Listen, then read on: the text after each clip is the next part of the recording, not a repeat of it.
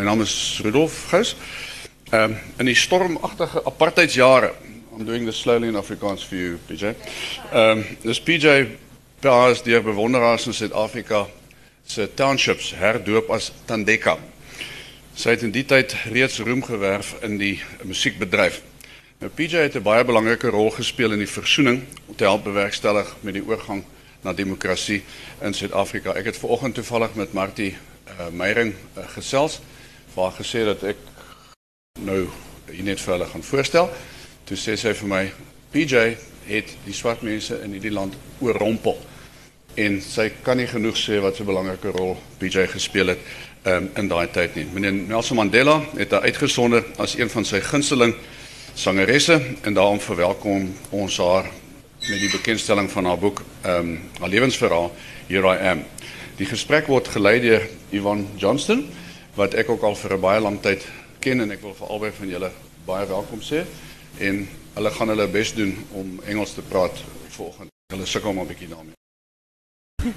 Baie dankie Rudolf, baie dankie. Baie dankie Rudolf. Morning everybody, morning. Um, and uh, please excuse us, but we're not fluent enough to speak in Afrikaans, so please bear with us.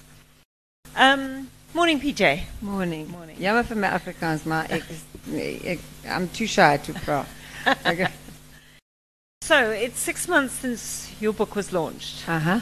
How has that impacted your life? How has writing a book and the resulting publishing of it impacted on your life?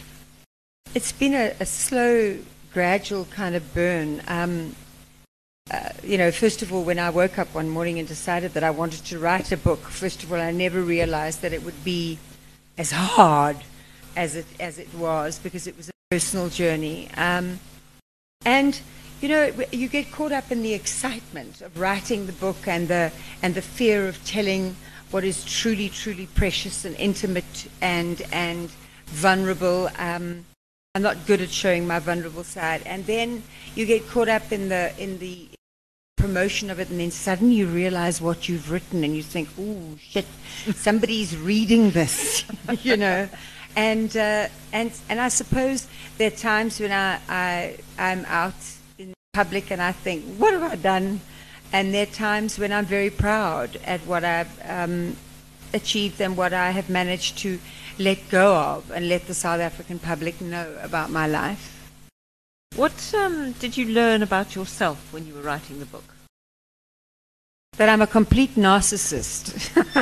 that I, um, yeah, I think that's kind of in my in the in the in the last chapter. It's not a chapter in the takeout of my book. I've written the, my doggy bag, and I suppose what I learned more than anything is that um, I, I have tended to rush through my life. Um, and that's what I learned most about myself is that I didn't really see any roses, let alone stop to smell it, you know, let alone stop to smell them.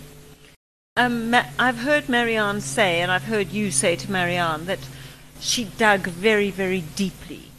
If you had written the book alone and you hadn't had Marianne's penetrating gaze looking at you, do you think the book would have been different? Is there stuff that Marianne dug out that's landed up in the book that might not have been there otherwise?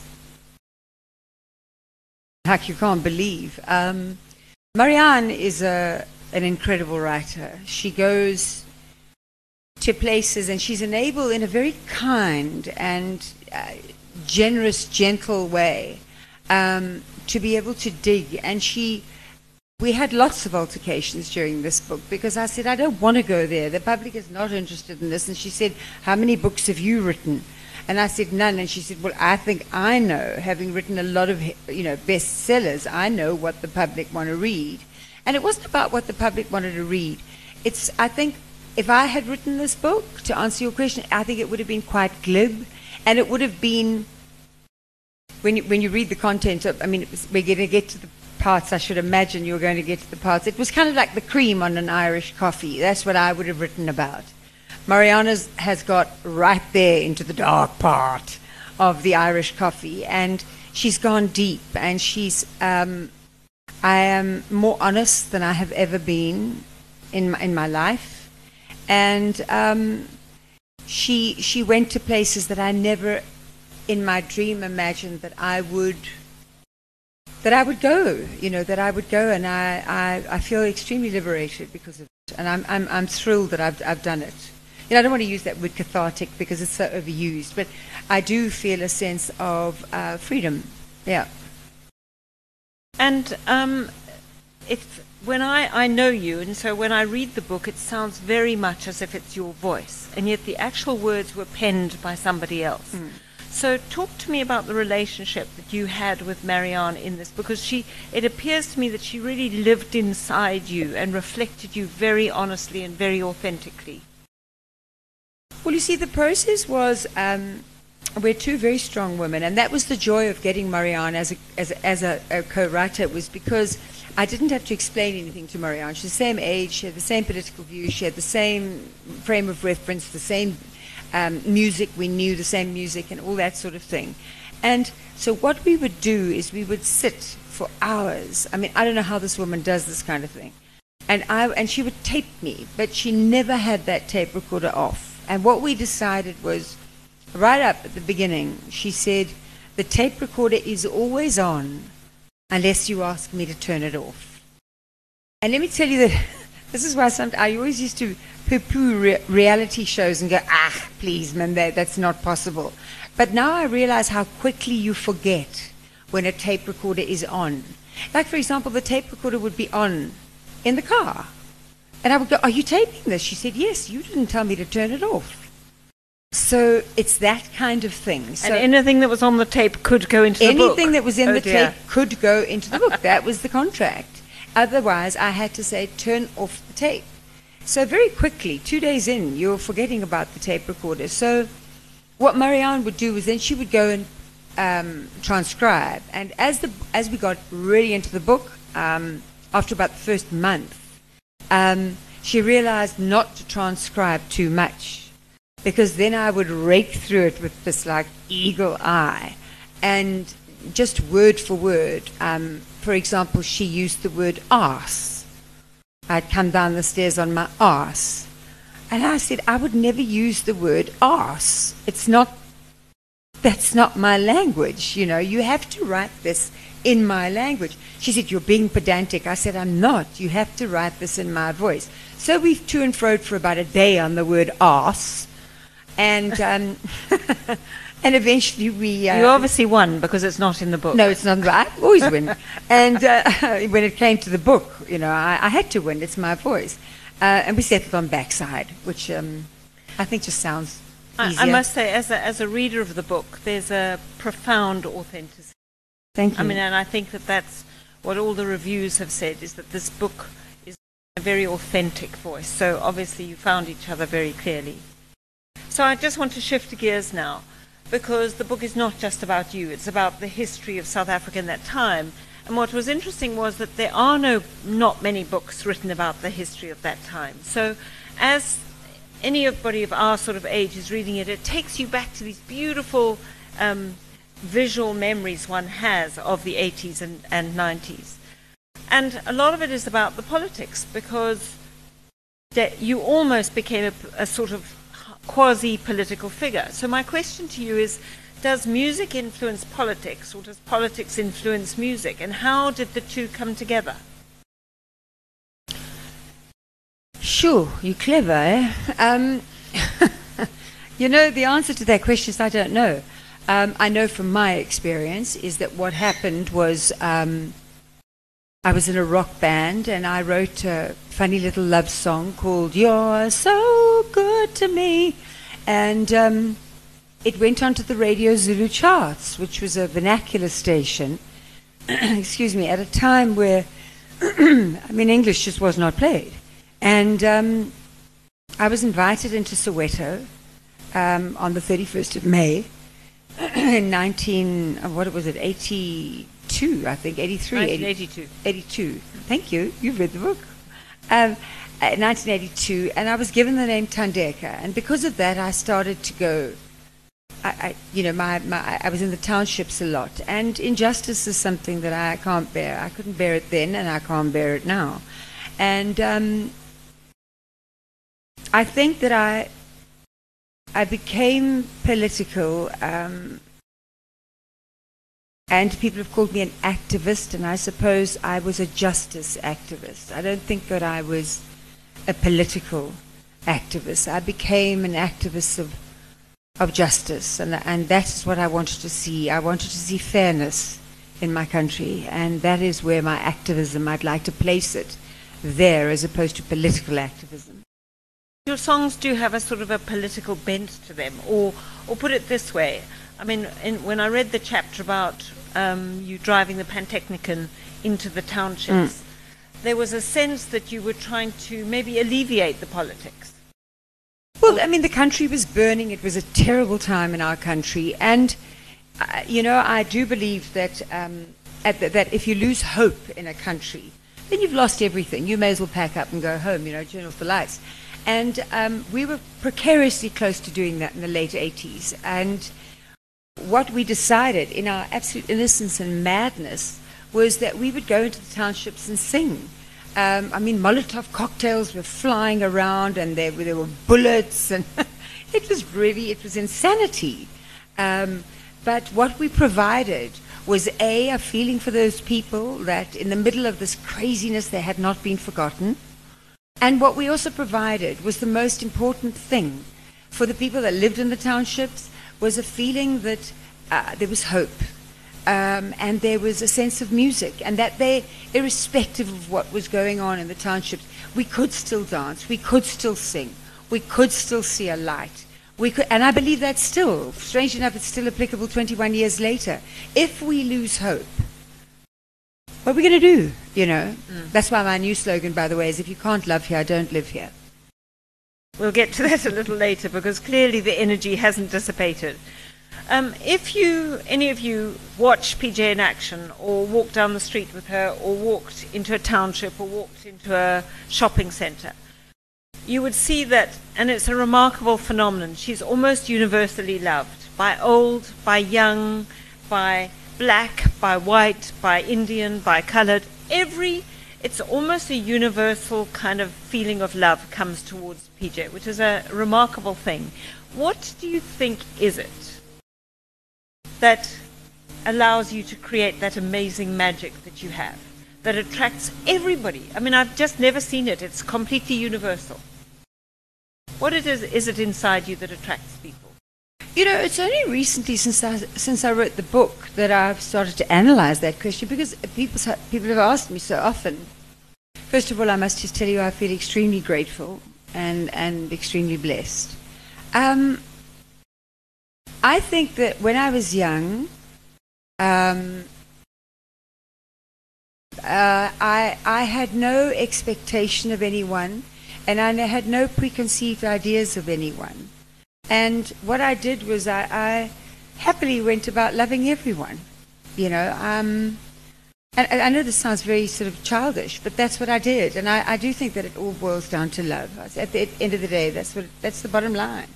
And um, I did. I, I, I, and then, and now I think that I, I just get what I project. Actually, you know, I, I, it's not some foreign concept that I've worked out and and and it's not something that I've divine, designed, and it's not something I don't have a.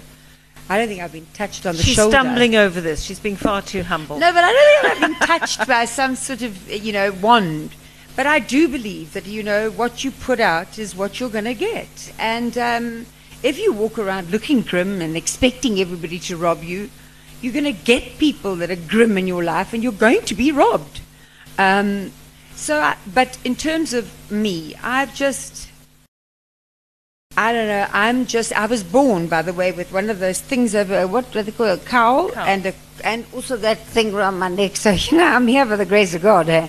Um, and I just am a lucky so and so. I really am. Um, PJ, the opening chapter of your book is, for me, one of the most compelling chapters, opening chapters of any book I've ever read in my life, and I've read thousands. Um, and it talks about your descent and, into alcoholism and the almost close to death experience. Talk to us a bit about that descent and the rise from it into sobriety. How did you get there? How did you get there? Um, she hadn't had enough sleep. Um, I think that how I got there was, I don't think, I know.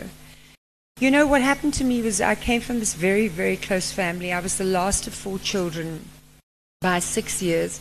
Very, very close knit, we associated, a very, a very protected environment.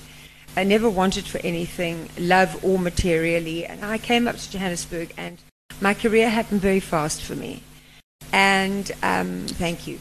And um, then I was called. I was. I, my real name is Penelope Jane Dunlop. I mean, it sounds like from Downton Abbey, doesn't it? So that's why we changed to PJ Powers. And um, basically, what happened was everything happened very quickly. It really did. It happened very fast for me. And I, then I was called PJ Powers, which I loved, you know. And um, I think PJ Dunlop on stage could have been. No, can you imagine the headlines? PJ Dunlop, ro- you know, you should have seen me then if you think I'm big now. Rolls onto stage, you know, like a tire. No, no, no. Powers has been fantastic. Powers her way to the top. Um, Powers is a good surname for me, but Dunlop would not have been good. That's, um, and I mean, when have you ever heard of a, I mean, a, a pop or rock star called Penelope? But, so PJ, you know, is the P, and Powers is fantastic. And then I was given the second identity by the black people of South You- Africa. You're going off the subject now. We're talking about which alcoholism. Thandeka. Wait, I'm getting there. which was Thandeka. And those are the two people I looked after. Okay. I took great care. There was great discipline. There was great um, love shown from me to Thandeka and PJ Powers. But not for a second did I pay any attention to Penelope Jane Dunlop. And after many, many years of hits, many years of hits, and many years of earning a lot of money, I woke up one day when I was about 39 and I didn't write a hit. And it was like, oh, this is a novel concept. I've written something that people don't like. And, and they didn't like it, and they didn't like the next one either. And it started this sort of, it was after the Rugby Cup, uh, the World Cup Rugby, and it started this downward spiral. Um, and I, I was never interested in alcohol, ever. Um, but then I discovered that magic of something that could take away, take the edge off the pain that I was feeling because I felt I was losing my grip. And Penelope Jane just didn't exist. I didn't know how to tend to her. Um, and we all know that it led to, it went from there, from just being a party drunk to, at the end, I, I uh, drank a bottle of hairspray. Um, and nearly died in hospital with alcoholics, two alcohol-induced seizures. Um, so, you know, I've been given this second chance, and I've, I am celebrating. I'm in my sixth year of sobriety, and I sit here, I think, a better person, and um, on a journey, a completely different one, and and and uh, yeah, filled with a, yeah. I'm I'm very grateful to be where I am, but how that happened is I can completely understand now. Have you learned any lessons from going on that journey? Yes. The most important lessons and the most worthy, um, uh, worthwhile, and the ones that I will use in my life going forward. Definitely the biggest learning curve. The 12 step program, which I am in, I still go to AA twice a week. And uh, that 12 step program, I think, should be obligatory. I think it should be an all school pro. This is how we should live our lives, you know, is living in the moment for today. Well, today is what counts, you know. What counts to me today is that I'm sitting with you people and you here today. That's what counts for me. But it wasn't such an easy journey for you. I mean, the, the book tells of five visits to rehab centers. Oh yeah, it was a terrible, it was a terrible, terrible seven years of trying to get sober. You know, um, yeah, five rehabs later. I mean, I used to check in, and and then the, I didn't even have to sign in. They used to, they send me to my old room, um, and uh, it was. And I say that glibly now and with a smile on my face, but at the time, every time I went in, I hated myself more. And I couldn't understand how I would come out and have three years of sobriety and a bucket load of good intention. And somehow I remember spending a Christmas with my parents in Durban. And um, I got in my car in Durban, and I'd had three months of sobriety. And I said goodbye to everyone with absolutely no, int- I don't know what, but I happened to drive past a bottle store. This is the serpent like uh, nature of addiction. This is what follows you for the rest of my life, will follow me. And I happened to pass a bottle store. And I stopped. And I got out and I went and I bought two bottles of vodka. And I arrived in Johannesburg. I drove. Huh? And I arrived in Johannesburg 11 hours later. How? I lost complete, probably, you, probably Mooi River is probably where I remember Last the last place I remember, yeah. And uh, that was about it. Mm. So, I mean, it's crazy. It's just really crazy. Talk to us about that firefly moment. Yeah, um, I have a, a one woman show called Firefly, um, which actually I'm doing at Franschhoek. Um, and what happened was I was, I was in hospital and I'd been, my sister was with me through this entire thing. She was the last man standing and she saw me through everything. And I'd had these two after drinking the Flex hairspray. Um, she, we went to hospital and I was convulsing. I heard my sister say to the doctor, Is she going to die? And I heard the doctor say, I don't know, but we're doing everything that we can. And I suddenly thought, I don't want to die. I had been planning my suicide for years, about two years. And I suddenly thought to myself, I don't want to die. That's the last thing I want to do, you know. Um, so I suddenly found myself. That's why I called my show The Firefly, because a room and a situation has to be completely dark and black in order to see a firefly. And that was the light that I followed, and I followed it into six years of sobriety. And I hope that it's still there when the light goes out tonight, you know. Well, we're very glad that you did. Thank you. You know, this book is um, takes you on a wonderful journey because obviously there's quite a lot of pain, which we've sort of touched on um, briefly. But it's also a, a book that has stories that will make you laugh out loud. And so it definitely takes you on that journey from pain to joy. And there's some very, very funny stories in them that I just want to remind you. I want, I want PJ to tell you the story, the funniest story for me of what I call the furniture store phase, when the fame had disappeared and she was trekking around the country every Saturday morning and performing to whoever was coming to buy a Blum- Bloomin' mattress um, in Beares and in Joshua Doore. And there's a very funny story in there of the man from Ventersdorp. So maybe you can Oh, yes. tell that story.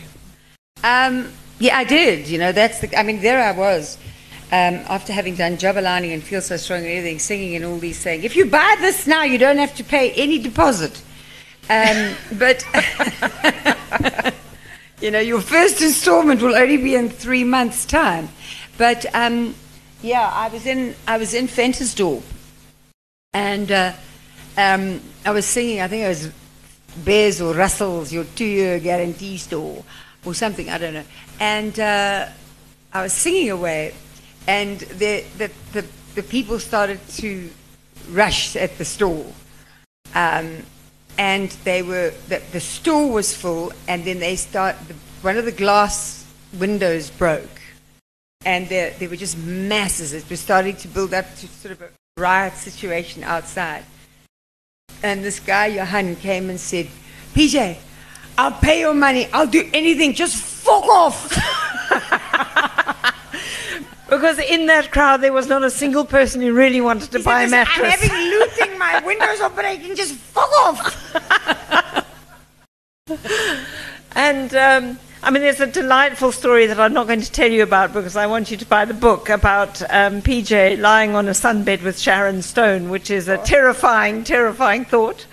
Um, but I also loved and I laughed out loud at the stories of Brenda Fassie Ah, who yeah. had such an amazing energy and amazing presence. And there are two stories. Maybe you'd like to tell one of the Brenda Fassie stories from the book. Tell the one about the dressing room. Yes, tell them about the dressing room. Um, Brenda was an amazing human being. She was a friend of mine, and she was a loose cannon, and she was all of those things. She was amazingly talented, but, but she she took no from anyone. You know, she was just uh, she was so in herself and so completely forthright and irreverent. It was frightening. But anyway, I was busy doing a, um, a show with Juluka at the time in, uh, in Johannesburg. And I remember, or maybe I was supporting Millie Jackson, actually, I can't remember. But I came backstage, and there was this like drunk, um, how I would have described her at the time was a dark colored. You know, I couldn't make out whether she was black or colored, you know, that kind of thing. And she was lying on my, on my chair in my dressing room like this. And I thought, woman lying in my dressing room? And she had no teeth, not one tooth in her mouth. And she was completely three sheets to the wind. And I said to her, What are you doing in my dressing room? And she got up and she said, I just want to tell you. One day I'm going to be a star than you have ever seen in your life. And I said, okay. And um, I ran out, I got my manager, and I said, Mike, there's something going on in my dressing room. Really, get this woman out of my face. And three months later, I looked on the television and I thought, it can't be. And there Brenda had bought herself a set of teeth, and she was up on that on that on, on the on the television singing in a program that we used to have called Mkumkebela, and she was singing "I'm Your Weekend Weekend Special," and there she was, this famous dynamite, fantastic little performer, and. Uh, that's what Brenda was like. I mean, she asked Eric Clapton, but that's too rude. I can't. it's better yeah. if you read that Yeah, part. better read that story. Yeah. so um, you're painting a, a story that maybe is a bit um, of a mental leap for a reader, because as a as an outsider looking in on this business of show business, you think it's so glamorous. Is it glamorous? You know, um, first of all, yes, I'm so glad that you. Thank you for the questions you've asked because this book isn't about me. It's about the politics of the country. It's about how I, as a white woman, suddenly was embraced by the by the people of South Africa at that time. It's about my relationship with Nelson Mandela, who was brilliant. It's a long, sort of protracted. But in terms of glamour, I did go into it. Oh my dear, I all I could say, I was five years old and I used to follow my sister around the house saying, Please interview me. Because in my head I was a famous singer. Not a singer, a famous singer. And um, I all I could see was limousines and mirrors with those lights around them. Yes, one of those. All I wanted was one of those mirrors with the lights around them. Badly. And um, those kind of things. And I've never, I've still just sit in front in the dressing room. I mean, I'm lying, but very few. I mean, I have, uh, uh, I perfected the art of going to, to do number one in a checkers bag, because if you're on the other side on stage and you're backstage and there are fifty thousand people and there are no toilet facilities backstage, are you going to walk through the crowd to go to the loo on the other side? I don't think so. So, um, in fact, I can give you, as recently as last week, uh, what was it was provided. I took a picture of it. What was provided for me in my dressing room um, as an ablution block, um, and there is no glamour in this business. There's, it, it, it, this. I mean, I'm surprised that every single person in the music industry and in the world of art is not bipolar, because one week you feel like Tina Turner, well, I do, and the next minute I think, what is that bit of slime on the pavement? Oh, it's me. Um, and so it is a really, really odd career, but it's worth every single minute of it. But no, there is no glamour. I'm still waiting. If anyone wants to chuck some my way, I'll take it. But we, we like we like the uh, fantasy that it's. oh, the fantasy. I try to We keep like- up the fantasy. We like the For fantasy you. that it's glamorous. um, there's a large chunk of the book um, dedicated to Mike Fuller, who was your first manager. um, which seems to have been a very fractious relationship, it certainly is now. And the overall takeout is that managers exploit artists. And my reading of it is that Mike Fuller absolutely exploited you. How did that come about? Um, what has he actually done? What has he done with your money? Maybe you could take, tell us a bit of that story. Okay, I'm hoping like hell there's some journalists in this house. because feel free. Um, yeah, it's an ongoing, in the book you'll see it is an ongoing battle. Um, in fact, just recently we sent letters off. Um, basically, you know, when I was 18 and I signed my contract with Mike Fuller, um, I, all I wanted to do was sing, huh? You could have said to me, actually, you're going to earn no money for the first five years of your career. And I said, it's fine, so long as I can sing. And my father said to me, Penelope, you can't possibly sign this contract. Well, he had to sign it because I was underage. So he said to me, I cannot sign this contract because what Mike was asking me to do was he was wanting to be my record company, my publisher, and my management. So he was wearing three hats. So he had complete autonomy and, and, he, and signing power. So he'd have to have a conversation with himself He'd have to have a conversation. Like a manager is meant to uh, sort of uh, uh, do battle with the record company for the highest percentage for the artist. Mike would be running around the desk, you see, of course. Um, so getting the highest percentage for himself. for himself, yeah. And um, anyway, basically, I screamed and threw the most horrend- horrendous tantrum. My father eventually signed. Um, I then re signed without reading at 21 my contract with Mike Fuller, which. Um, uh, he, he then was so you know it was it was a signed contract. But what has happened subsequently is he has not accounted to me. You know, I'm the, I was the songwriter in Hotline, so I wrote all and continue to write all the original music. And now, of course, with my original music, he doesn't have a say, but he, he owns the publishing on all of that stuff. Now, for example, I have not earned one cent. I know that you people will find this difficult to understand or believe from the World in Union, the Rugby World Cup song. Not one cent, not one brass farthing. The record company pays him. He's, I mean, the, the, the, the Samro, pays him. He's meant to pay me. It's a long, involved story, and he has not accounted to me. Um, so we're in, we're in a huge dispute. It's terribly complicated.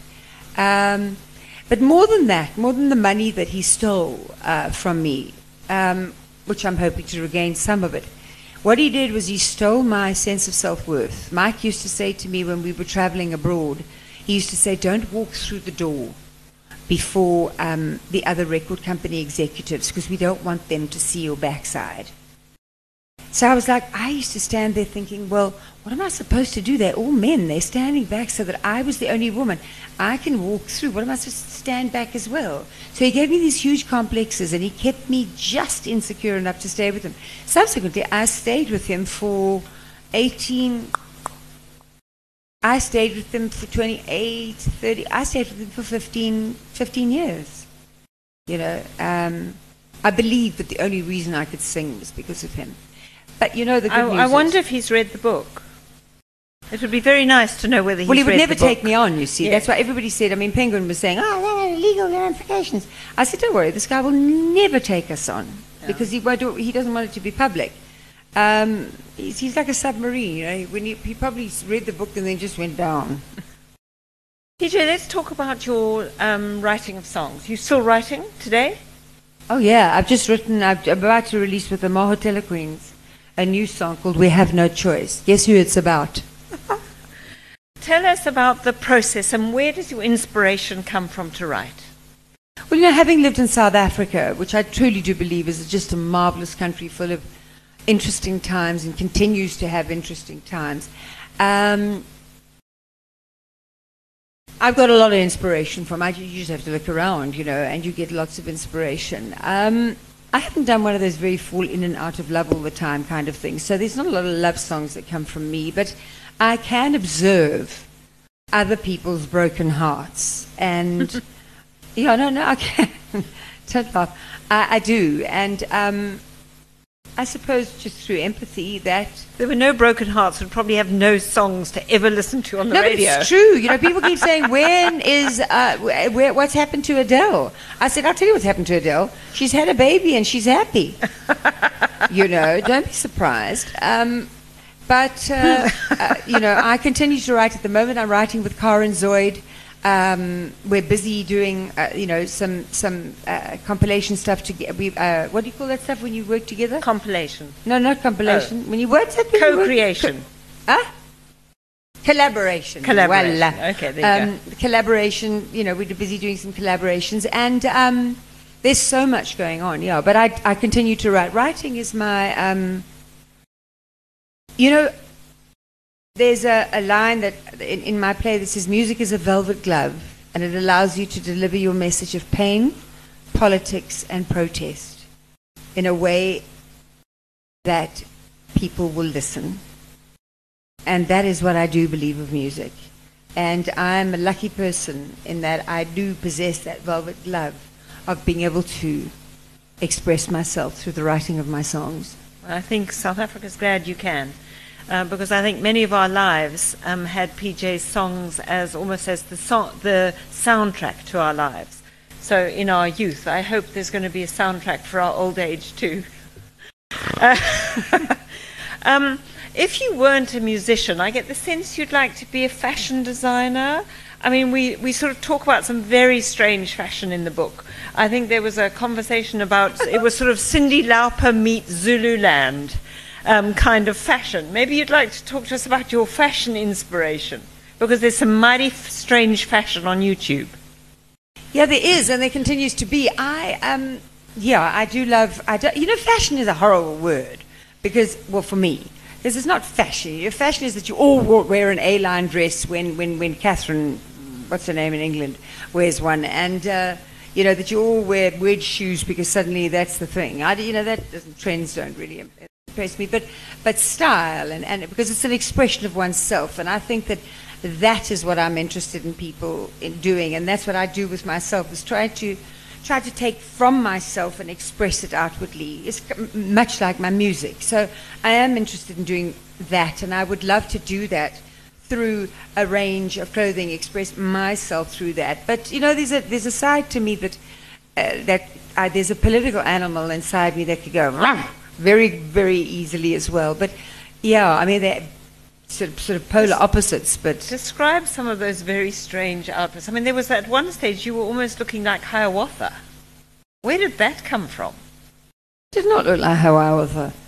I Um, I put some feathers in my hair. That's all.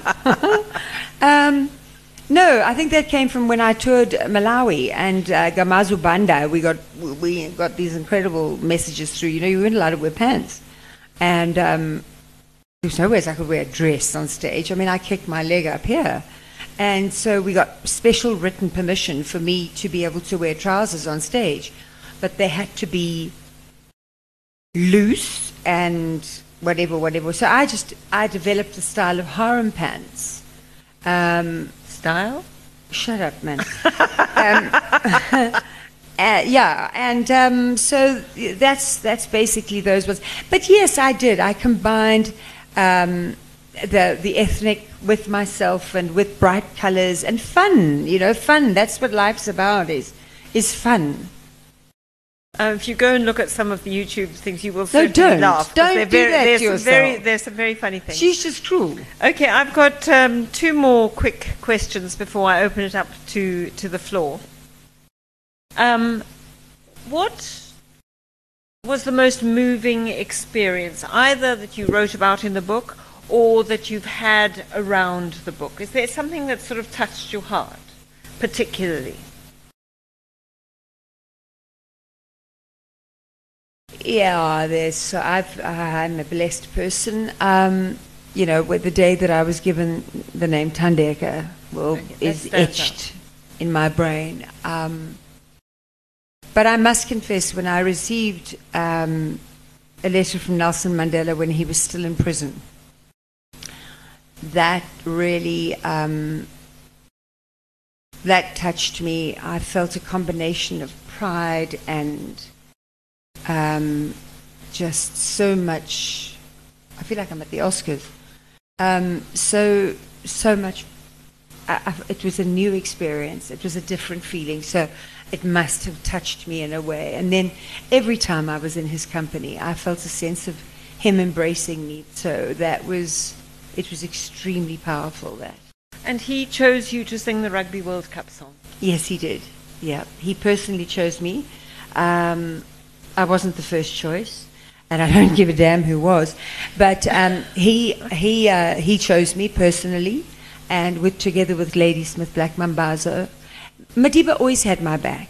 He watched out for me from the day he walked out of prison. From the day we met, I remember he was sitting in the president's box at Ellis Park before he became the president of our country as a welcome home, and he asked to meet me, and he had my back from then. And why I don't know. I think maybe I told him we were born two days apart. Um, maybe I wasn't so to him, which he enjoyed, and I was quite cheeky with him. I But he know. also said that he knew your music. They were Yes. apparently allowed some music within on, on Robben Island and in Victor Verster, and he loved Jabulani. He said he just used to lift his spirits. So I think that might, may be the source of it. Um, my last question to you today is: Is there an appendix to the book? What's what lies in the future? Because there's clearly a lot of life left in you. There's a lot of career left in you. So what can we look forward to? Yeah, I was thinking to myself, there's probably now going to have to be here I am again. because, I am doing a lot. I mean, this year I'm going to the United States, I'm going to Australia. Um, I am, you know, I, I'm doing, I'm writing a, a, a play with Mar- Marianne Thamm called Driving the Pantechnicon Through the Revolution. I'm, um, w- um, there's just so much. There's a movie on the, about the book that's in the offing, a documentary. Um, it's it's just an explosion. It's just it's it's incredible. I'm I'm, I'm truly blessed and tired, um, but uh, I really am. So, uh, will there be an appendix to this book? Uh, probably.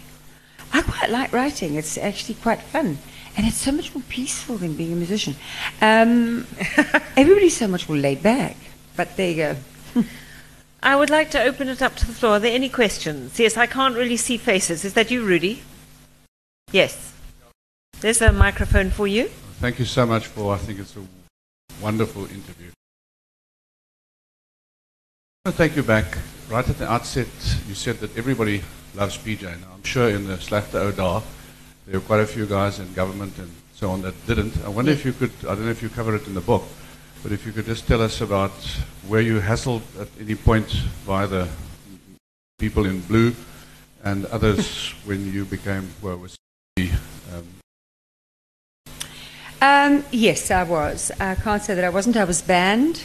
Um, I was under house arrest. I, um, and that was because I um, couriered. No, no, that was because I performed at a at a concert in Zimbabwe for children on the front line, um, children that had um, been uh, uh, orphaned because of South Africa's border wars. Uh, children for me are not politic, you know.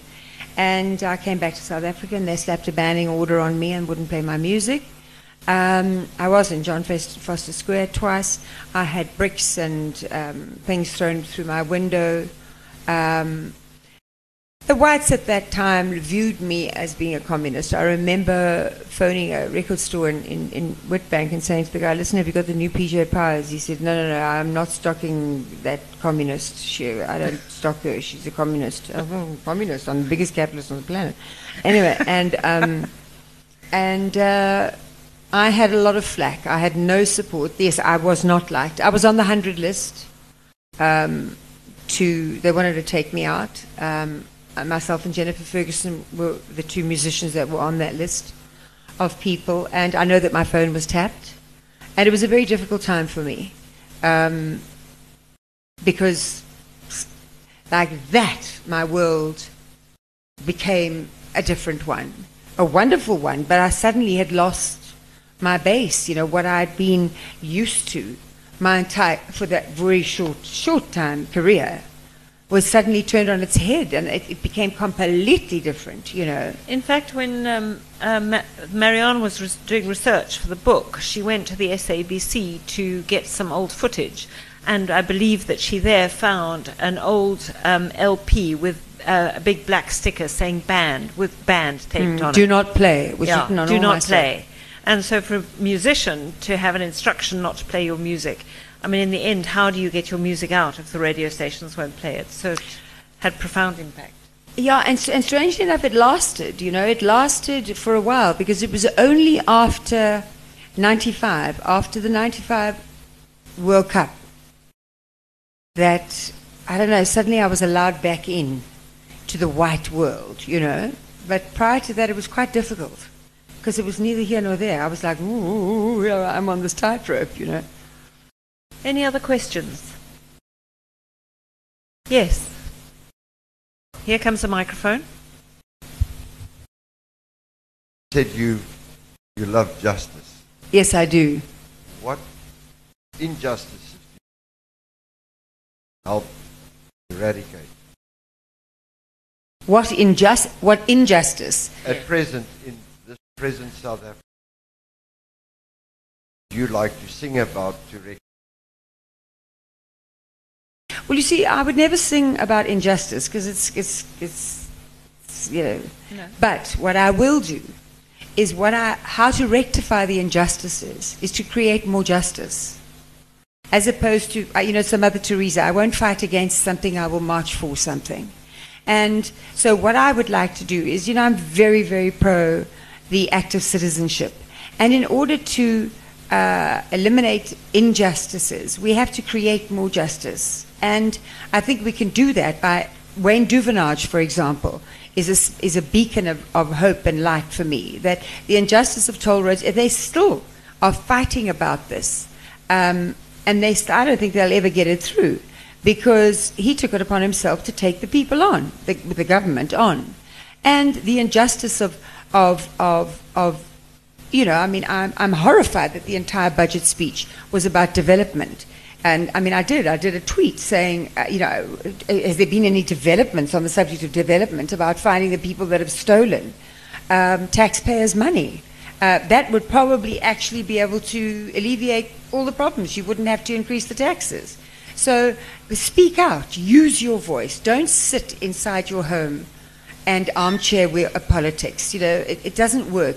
The way to uh, to nullify injustice is by speaking out and not, by not getting tired and not having the attitude of ah makes no difference if I say anything. It does. One voice makes a difference.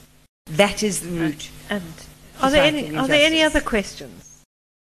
But I think that that's a wonderful note to end this today on. I, I think that that's what PJ stands for, and I trust that as you read her book and uncover the real person, um, that um, you will understand her journey more profoundly. Thank you so much, PJ, Thank for this lovely much. interview. Thank Thank you. Thank you. From, from my side, I just want to say thank you so much. What a fascinating conversation. I'm so glad, I'm sure all of you are so glad you're here today um, and been here. Put up your hands if you're glad you were here. all of you, please. I just want to remind you that the book is on sale. Um, so it is here. You can, you can move out through here to the Arte Café Bookwinkel. It's there, and PJ will be signing books there as well right now. Um, thank you very much. Thank you so much.